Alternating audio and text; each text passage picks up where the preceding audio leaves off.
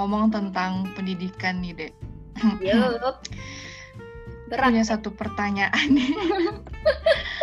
Aku sat- punya satu pertanyaan yang mungkin bisa dibilang agak filosofis kali ya. Ya, menurut kamu pendidikan itu untuk pintar atau untuk hidup sih, Dek? Hai teman-teman, balik lagi di podcast Ruang Reflektif.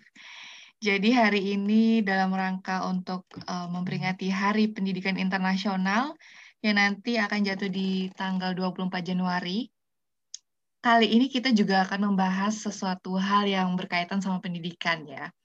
Ya. Uh, pastinya aku nggak sendiri. Di sini pasti ada Ade juga yang akan Hai aku ngobrol-ngobrol. teman-temanku tercinta. Oke, apa kabar Ade? Baik, so happy. Tapi suaraku kayaknya agak mendeng suara soalnya kemarin aku minum seharian soft drink dan pagi-pagi, wow, tenggorokanku. Uh, merdu. Oke, Em, ngomong-ngomong tentang pendidikan nih, Dek. Yup. Aku Berat. punya satu pertanyaan. Aku punya satu pertanyaan yang mungkin bisa dibilang agak filosofis kali ya.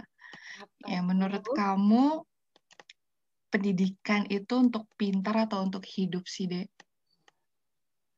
Hmm, pendidikan itu untuk pintar atau untuk hidup? To be honest, di kepala aku tuh langsung langsung yang pop up itu kayak untuk pintar. Kalau kita pintar, kita bisa bekerja, dapat duit, hidup deh.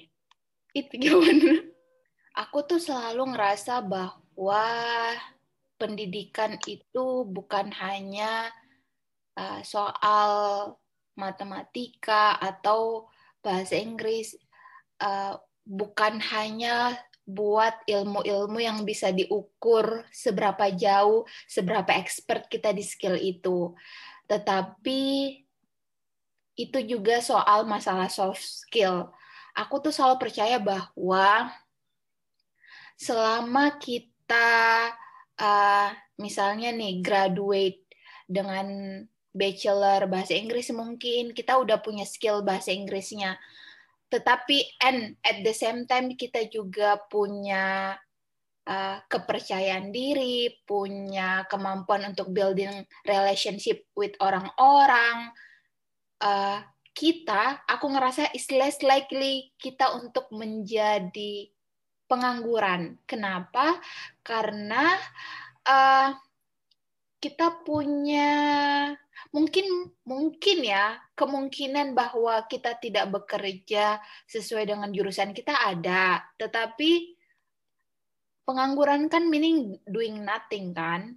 Tapi Hmm. once kita punya kemampuan connect, punya kemampuan dalam membangun relasi, kepercayaan diri, kemampuan dalam public speaking, kita akhirnya punya satu set soft skill yang kita bisa jual ke pasar dan walaupun tidak sesuai dengan background kita misalnya bahasa Inggris atau misalnya matematika kita akan end up doing sesuatu dengan skill yang kita punya tadi jadi mungkin ya mungkin aku pengen langsung rubah nih jawaban aku. Jadi kayak mungkin Mhm. bisa di sini aku udah dapat ngehnya edukasi pendidikan untuk kita pintar atau untuk kita survive mungkin lebih tepatnya untuk survive ya ya. Kan? Dap, aku aku baru ini loh baru dapat poinnya. Ya bener juga kalau dibawa ke approach-nya kayak gitu iya sih bener juga emang kalau kamu kamu ini aku nanya balik deh menurut kamu tuh Mhm. pendidikan buat pendidikan itu bertujuan untuk membuat kita pintar atau membuat kita survive Kalau menurutku ya em, berkaitan sama dua hal tadi itu, kalau aku ngaitinnya kalau untuk pintar itu adalah related to knowing what. Jadi tahu tentang apa gitu. Sedangkan untuk hidup aku lebih lebih lebih prefer untuk mengaitkannya ke uh, how to think. Jadi bagaimana pendidikan itu ngajarin kita untuk bagaimana berpikir. Karena uh, menurut aku uh, betul kayak yang kamu bilang tadi pendidikan itu nggak hanya cuman hard skill yang berhubungan sama hmm. Bagaimana kita menguasai subjek-subjek pelajaran. Hmm. Tapi sebenarnya di balik itu ada kemampuan-kemampuan soft skill lah ya yang kita bilang. Tapi kalau aku mau bilang lagi di balik di balik uh, mata pelajaran-mata pelajaran tadi sebenarnya ada satu poin yang juga kita bisa pelajari yang berhubungan sama how to think tadi. Tuh. Kalau misalnya berkaitan sama matematika sendiri ya. Iya. Nah, sayangnya kebanyakan masih banyak sih uh, murid-murid uh, itu yang mikir matematika itu ya udah ketika aku bisa ngerjain soal dengan benar yeah. dengan cara yang benar ya udah aku udah bisa matematika gitu iya. padahal yeah. pada kenyataannya mungkin mereka bisa menjawab soal dengan benar dengan cara yang benar juga, tapi sebenarnya mereka nggak paham yang mereka kerjakan itu apa gitu. Hmm. Jadi mereka nggak nggak benar-benar menguasai how to think itu tadi gitu loh. Mereka cuma tahu what ataupun mereka cuma tahu how to do. Bagaimana untuk mengerjakan matematika itu. Tetapi mungkin bisa jadi mereka nggak tahu kok kenapa apa ya alasan dibalik cara-cara yang mereka pakai untuk menyelesaikan suatu soal. Padahal kalau kita bilang uh, bicara tentang alasan-alasan atau kalau dibilangnya mathematical reasoning ya, gimana kita bisa kasih justifikasi kenapa sih aku pakai cara begini, kenapa aku pakai cara begitu. Itu tuh membuat kita, mentrain kita untuk punya logical thinking. Hmm. Dan menurutku uh, logical thinking ini kan berhubungan dengan skills kita juga yang nanti juga berhubungan dengan kecakapan-kecakapan hidup iya, yang membantu iya. kita untuk tentunya bertahan hidup. Benar. Gitu, kalau menurut aku ya. Oke, okay. jadi aku bisa tarik kesimpulan bahwa kamu termasuk yang percaya bahwa uh, fungsi dari pendidikan adalah membuat kita survive bukan hanya membuat kita pintar. Harusnya. Harusnya sebagai seorang pembelajar pun kita juga punya kesadaran kalau misalnya dengan bersekolah itu sebenarnya kita nggak cuma untuk meraih banyak ilmu. Iya, memang untuk meraih banyak ilmu. Tetapi nggak hanya itu.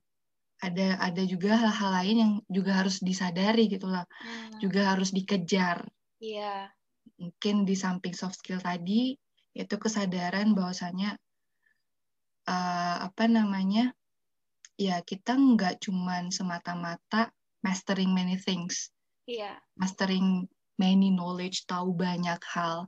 Tapi bagaimana kita bisa menggunakan um, otak kita. Kasar nggak ya ngomong otak kita hmm. untuk berpikir gitu. Iya.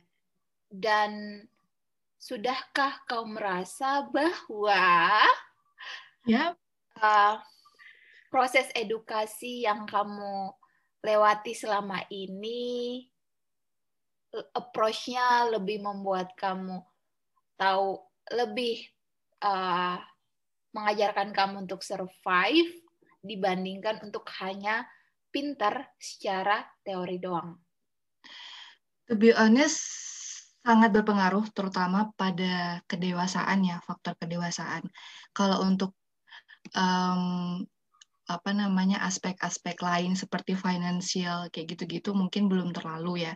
Tapi kalau perkembangan diri sendiri, aku sudah merasakan banget sih itu, terutama yeah. ketika kita berhubungan sama banyak orang. Kayak yeah. di iya. episode uh, kita sebelumnya yang ngebahas tentang judgmental, menurutku itu adalah salah satu uh, hasil berpikir kita itu iya. dari proses-proses um, pendidikan yang sudah kita jalani bagaimana kita iya, benar, uh, benar. tidak gampang untuk menilai seseorang bagaimana kita bisa mempertimbangkan banyak hal dari satu hal yang kita lihat. Bagaimana kita bisa memperkirakan hal-hal lain yang mungkin sebenarnya kita nggak tahu itu ada gitu. Kan kemampuan-kemampuan berpikir seperti ini kan kita dapatkan dari proses pendidikan juga kan? Iya nggak semata-mata kita cuma tahu um, misalnya cuma tahu sesuatu gitu deh. Apa sih? Gue nggak nyambung banget. Bener bener. Aku ini, aku juga setuju soal itu bahwa kalau apalagi tuh di umur kita yang sekarang ya. Dulu kan Mm-mm. aku ngerasa waktu kita S1, SMA ya emang sekolah untuk ngejar ranking, sekolah untuk ngejar ya sekolah, ke sekolah dapat uang jajan, dapat ranking satu bisa minta hadiah ke orang tua kita, uh, lulus cepat, dapat kerja cepat. Itu dulu paradigmanya. Tapi Mm-mm. Apalagi tapi di umur kita sekarang yang kebetulan dapat privilege untuk sekolah master dan masternya pun alhamdulillah dapat kesempatan di luar itu kayak shifting banget sih mindsetnya. Jadi lebih ke ternyata sekolah emang bisa membentuk kepribadian kita totally. Jadi kayak aku ngerasa bahwa sekolah tidak hanya membuat kamu growth in terms of intellectually, tapi juga bisa growth you as a person, as an individual who are ready to to apa sih namanya untuk keluar nanti ke masyarakat. And Mm. mungkin ya uh, itu juga yang yang mungkin nantinya uh, bisa dikategorikan. Jadi aku pernah dengar begini. Salah satu uh, syarat kah? Semoga aku nggak salah. Salah satu syarat uh, supaya suatu peradaban, suatu negara bisa berkembang adalah ketika komposisi orang-orang yang berpendidikan itu banyak dan terus berkembang. Jadi mungkin di sinilah hubungannya, di sinilah benang merahnya.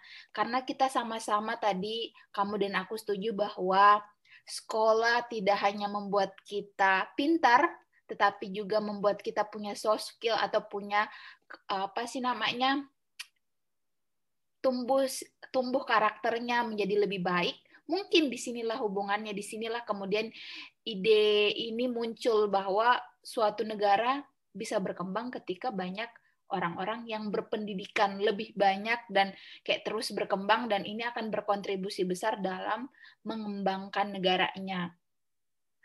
Dan ini sih bisa dihubungkan sama uh, pengalaman kita di sekolah ya. Misalnya uh, ketika di sekolah kan kita juga diajari misalnya how to build empathy, mengunjungi teman kita yang sakit. Akhirnya pas kita keluar ke masyarakat, we build that thing. Tapi aku nggak akan bilang sih bahwa uh, proses ini hanya bisa didapatkan di sekolah. Ketika kamu non apa, ketika kamu tidak sekolah pun, kalau misalnya proses lingkungan kamu kemudian raise you with that value, pasti juga sih bisa you can be a good person with a good character. Setuju banget sih sebenarnya kalau menurutku uh, entah kenapa ya uh, setelah aku kuliah di sini kemarin itu sempat yeah. banget um, ikut kelasnya Mbak Butet Iya, so, iya. Uh, Sokola Rimba kalau nggak salah. Oh iya, aku Dari tahu situ, tuh. nah itu tuh. Kemarin kan gara-gara awal-awal lockdown gitu kan, terus Iya. beliau ngadain uh, kelas online selama sebulanan gitu. Jadi Iya. ya udah iseng-iseng ikut. Dan sebenarnya itu berhasil mengubah paradigma aku tentang pendidikan sendiri sih. Maksudnya adalah um, sa- uh, dulu dulu dulu sebelum ikut kelas itu kan aku pribadi berparadigma bahwasanya orang yang berpendidikan itu ya orang yang punya apa namanya yang sekolahnya tinggi yang sekolah terus mungkin uh, punya gelar gelarnya tinggi itu adalah Iya, orang-orang iya. yang berpendidikan tapi setelah aku ikut kelas ini kelasnya Mbak Butet Iya. terus uh, kita diskusi-diskusi tentang proses pendidikan yang ada di uh, anak rimba. Iya. Anak rimba tuh yang kayak tinggal di hutan rimba gitu. Nah, di sinilah paradigmaku tentang orang-orang terdidik itu tershifting gitu. Kayak gimana? Jadi, nih? jadi menarik banget. Bahwasanya sebelum itu aku juga sempat ngelihat salah satu video sih di School of Life itu ngajak Hmm. uh, bahas juga bahas tentang pendidikan juga dia bilang di situ bahwasanya sebenarnya pendidikan itu adalah apa ya suatu hal yang membantu kita sebagai orang dewasa nanti untuk bisa memecahkan masalah-masalah hidup kita. Hmm. Nah, jadi pendidikan itu gunanya untuk memecah, uh, membantu kita memecahkan masalah-masalah hidup kita. Yeah. Terus uh, kalau kita um, kaitkan sama apa yang terjadi di sekolah rimba, mereka itu kan ya mungkin sekarang udah banyak mereka yang eh, anak-anak uh, dari sekolah uh, dari anak rimba yang yang bersekolah. Tapi dulu-dulu kan mungkin masih minim ya, masih sedikit orang yang bersekolah dari sana. Tapi uh, poinnya adalah ketika mereka tidak bersekolah, tetapi mereka tetap bisa untuk uh, menjadi problem solving dari masalah-masalah kehidupan mereka sendiri gitu loh. Hmm. Bayangkan aja kalau misalnya mereka hidup di hutan rimba ya kan, tanpa sekolah tapi mereka tetap bisa melanjutkan hidup dan memiliki keturunan-keturunan sampai sekarang. Berarti kan mereka punya kemampuan untuk survive kan, kemampuan untuk uh, ya menyelesaikan masalahnya sendiri. Sebagai contoh, misalnya mereka mampu untuk uh, memanfaatkan tumbuhan-tumbuhan yang ada di sekitarnya untuk obat ketika mereka sakit gitu kan.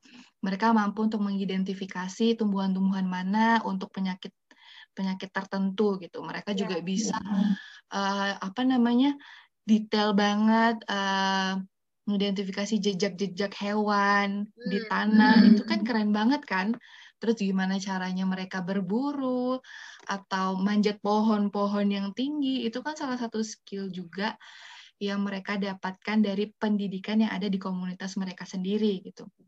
Dan kalau dibilang kalau misalnya kita kembali ke konsep pendidikan yang mana pendidikan itu adalah sesuatu hal untuk uh, apa namanya yang membantu kita untuk menyelesaikan problem-problem kita berarti kan iya. anak-anak ya. rimba tadi atau orang-orang rimba tadi juga orang terdidik dong, mereka kan bisa menyelesaikan masalah-masalah mereka juga selama ini. Terbukti mereka masih survive sampai sekarang. Nah, di sinilah jadi paradigma itu tershifting gitu. Jadi menurutku orang terdidik itu tidak harus punya gelar pendidikan yang tinggi gitu. Hmm. At least mereka bisa bertanggung jawab dengan hidupnya sendiri. Menurutku itu sudah merupakan suatu bentuk merupakan suatu bentuk pendidikan sih gitu bener sih aku setuju akhirnya uh, approach apa sih namanya kamu perspektif yang kamu bawa dari hasil mengikuti kegiatan sekolah rimba itu benar-benar uh, blow up my mind. Jadi aku langsung kepikiran, aku tuh pernah ikut kayak forestry camp kayak gitu, mm -hmm. dan kita tuh ditaro di dalam hutan seminggu tanpa handphone. Wow. Gak ada gadget sama sekali dan aku tuh ngerasa ya Allah, kenapa aku ikut ini, nana nana nana, how can I survive, nana dan sebagainya. Jadi itu misinya kita beneran tinggal di hutan uh, sebagai seorang individu yang harus belajar survive dengan semua sumber daya yang ada di situ. Hmm. Mau mak uh, apa sih namanya? Ada sih waktu itu bekalnya cuma dikasih kayak satu panci. Tapi how kayak bikin apinya bikin tendanya itu tuh kayak ibaratnya gimana cara bikin tenda? Kita harus nyari ke hutan bikin cari kayu yang apa sih namanya? Yang keras buat jadi hmm. tiang. Hmm. terus kalau misalnya mau lihat arah kiblat harus perhatikan di mana lumut karena itu mempengaruhi cahaya matahari. Jadi kan we don't I mean hmm. aku waktu itu S1 kayaknya di hmm. akhir ini deh di pertengahan aku kuliah jadi aku seumur hidup kan nggak pernah diajarkan seperti di sekolah dari TK sampai S1 bayangin tuh hmm. ketika dimasukkan ke istilahnya dunia baru lah nggak hmm. tahu apa-apa nggak tahu apa-apa jadi akhirnya tapi bayangkan orang-orang dulu hal-hal gitu kan nggak mungkin diajarin di sekolah bayangkan mereka survive dong orang-orang yang tinggal di hutan, orang-orang yang tinggal di rimba, mm-hmm. which yang itu apa namanya skill itu nggak diajarin di sekolah.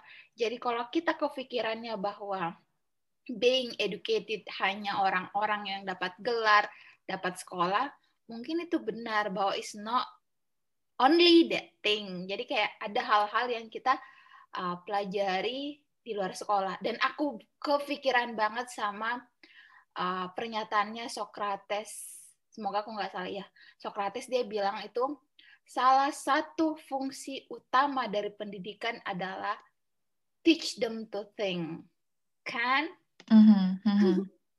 Jadi How kalau teach them to think. Jadi kalau kalau misalnya kamu ada di suatu kondisi posisi di mana lingkungan itu men uh, atau komunitas itu membuat kamu hmm. berpikir that's education. Hmm. Hmm. Di mana pun nice, kamu ber di mana pun kamu berada, uh, di mana pun kamu berada, umur berapapun kamu, kalau kamu ada di suatu posisi, di suatu dikelilingi oleh suatu komunitas yang they stimulate, they uh, menstimulasi kamu untuk berpikir, they teach you to think, that's education. Pastinya yeah, yeah. ada yang bisa diambil tuh dari situ. Bagus banget, cuy. Bagus. Aku jadi kepikiran deh kalau tadi itu aku sempat kayak flashback ke SMP gitu ya SMP SD SMA dulu tuh kan uh, karena dulu tuh aku nggak mau bilang aneh sih tapi dulu tuh kalau aku refleks sekarang ya emang aneh sih kayak misalnya pelajaran ekonomi ya dulu ya Iya. Uh, ada ulangan harian gitu kan, atau uh -uh. pelajaran sejarah. Nah itu tuh tau nggak um, apa namanya? Aku ulangan apa ya? pertama kali tuh ulangan harian tuh remedi langsung. Iya. Nilaiku di bawah KKM gitu kan. Habis itu uh, karena remedi aku balas dendam dong. Aku hafalin semua materi yang yang kira-kira keluar di ini kan di ujian. Itu mata kuliah apa? Mata kuliah. Uh, pelajarannya apa tuh ekonomi? Ekonomi, sejarah yang IPS IPS gitu loh. Oke. Okay. Jadinya uh, karena itu kan aku jadi balas dendam tuh semuanya aku hafalin gitu ya. Yeah. Setelah itu berhasil dong dapat nilai bagus dan itu tuh mempengaruhi uh, kayak uh, performaku juga selanjut selanjutnya. Jadi kalau ada ulangan harian tuh pasti aku hafalin dari dari gitu, hafal banyak hal gitu. Yeah. Nah jadi setelah itu waktu itu ya aku tuh kepikiran kalau misalnya konteks uh, bukan konteks sih versi pintarku pada saat aku SMP dulu itu adalah orang pintar itu adalah ketika dia uh, tahu banyak hal. Oke. Okay.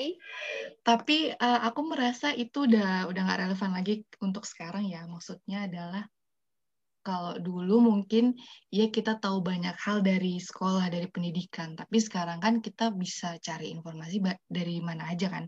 Bahkan kita bisa overwhelm sama banyaknya informasi yang tersedia Benar. sekarang informasi ataupun ilmu kan sekarang udah yeah. banyak banget tersedia di mana pun dan uh, udah nggak relevan lagi kalau misalnya kita udah nggak relevan lagi kalau misalnya kita itu uh, versi pintar yang sekarang itu tahu banyak hal. Kalau justru menurutku sekarang itu kita harus tahu informasi mana aja yang kita perlukan dan nggak kita perlukan. Dan it's okay kalau misalnya kita nggak tahu banyak hal. Tapi kita harus tahu apa yang mau kita, yang pengen kita tahu. Dan kalau misalnya kita ngomong-ngomong tentang uh, hal yang pengen kita tahu kan berarti itu bisa menstimulasi kita untuk berpikir kan? Iya. Dan itu nyambung ke yang tadi kamu bilang. Jadi education is about how to um it's it's about how to think instead of what to think tapi what to think juga iya sih cuman maksudnya bukan bukan lebih ke banyaknya knowledge yang kita punya karena menurutku sekarang kan kita nggak harus menghafal ya kalau dulu kan dihafalin semuanya iya. sekarang iya. sekarang kayaknya kita ngapain ngafal ngapain menghafal sesuatu gitu maksudnya tinggal buka Google kan udah tersedia kalau misalnya kita butuh. Jadi lebih ke gimana kita bisa mengelola dan menggunakan informasi yang kita punya sih, informasi atau pengetahuan yang kita punya. Kan kamu bilang, uh, menurut aku ini ada hubungannya sama critical thinking, karena kita ada di zaman we Google know everything kan ya, mm -hmm. know everything. Tapi di sisi lain akhirnya sometimes kita overwhelming sama informasi itu. Hmm. Nah, akhirnya di sinilah peran edukasi yang tadi yang kalau misalnya is not only about what you think but how you think. Di sini hmm. how you think berarti bagaimana kita memfilter informasi yang overwhelming dari Google tadi, dari Google beda, dari Instagram beda, dari mana-mana beda. Jadi kayak that's how to think, right? Jadi kayak how to filter metodenya. Jadi it's also part of education, kan?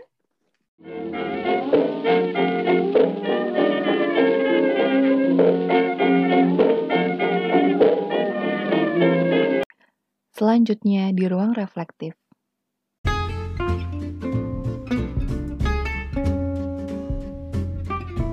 Satu tambah satu memang dua, kalau yeah. tanpa konteks. Uh-huh. Tapi kalau dengan konteks belum tentu satu tambah satu dua. Misalnya yeah. satu pensil ditambah satu penghapus kan nggak mungkin sama dengan dua. I see. You know.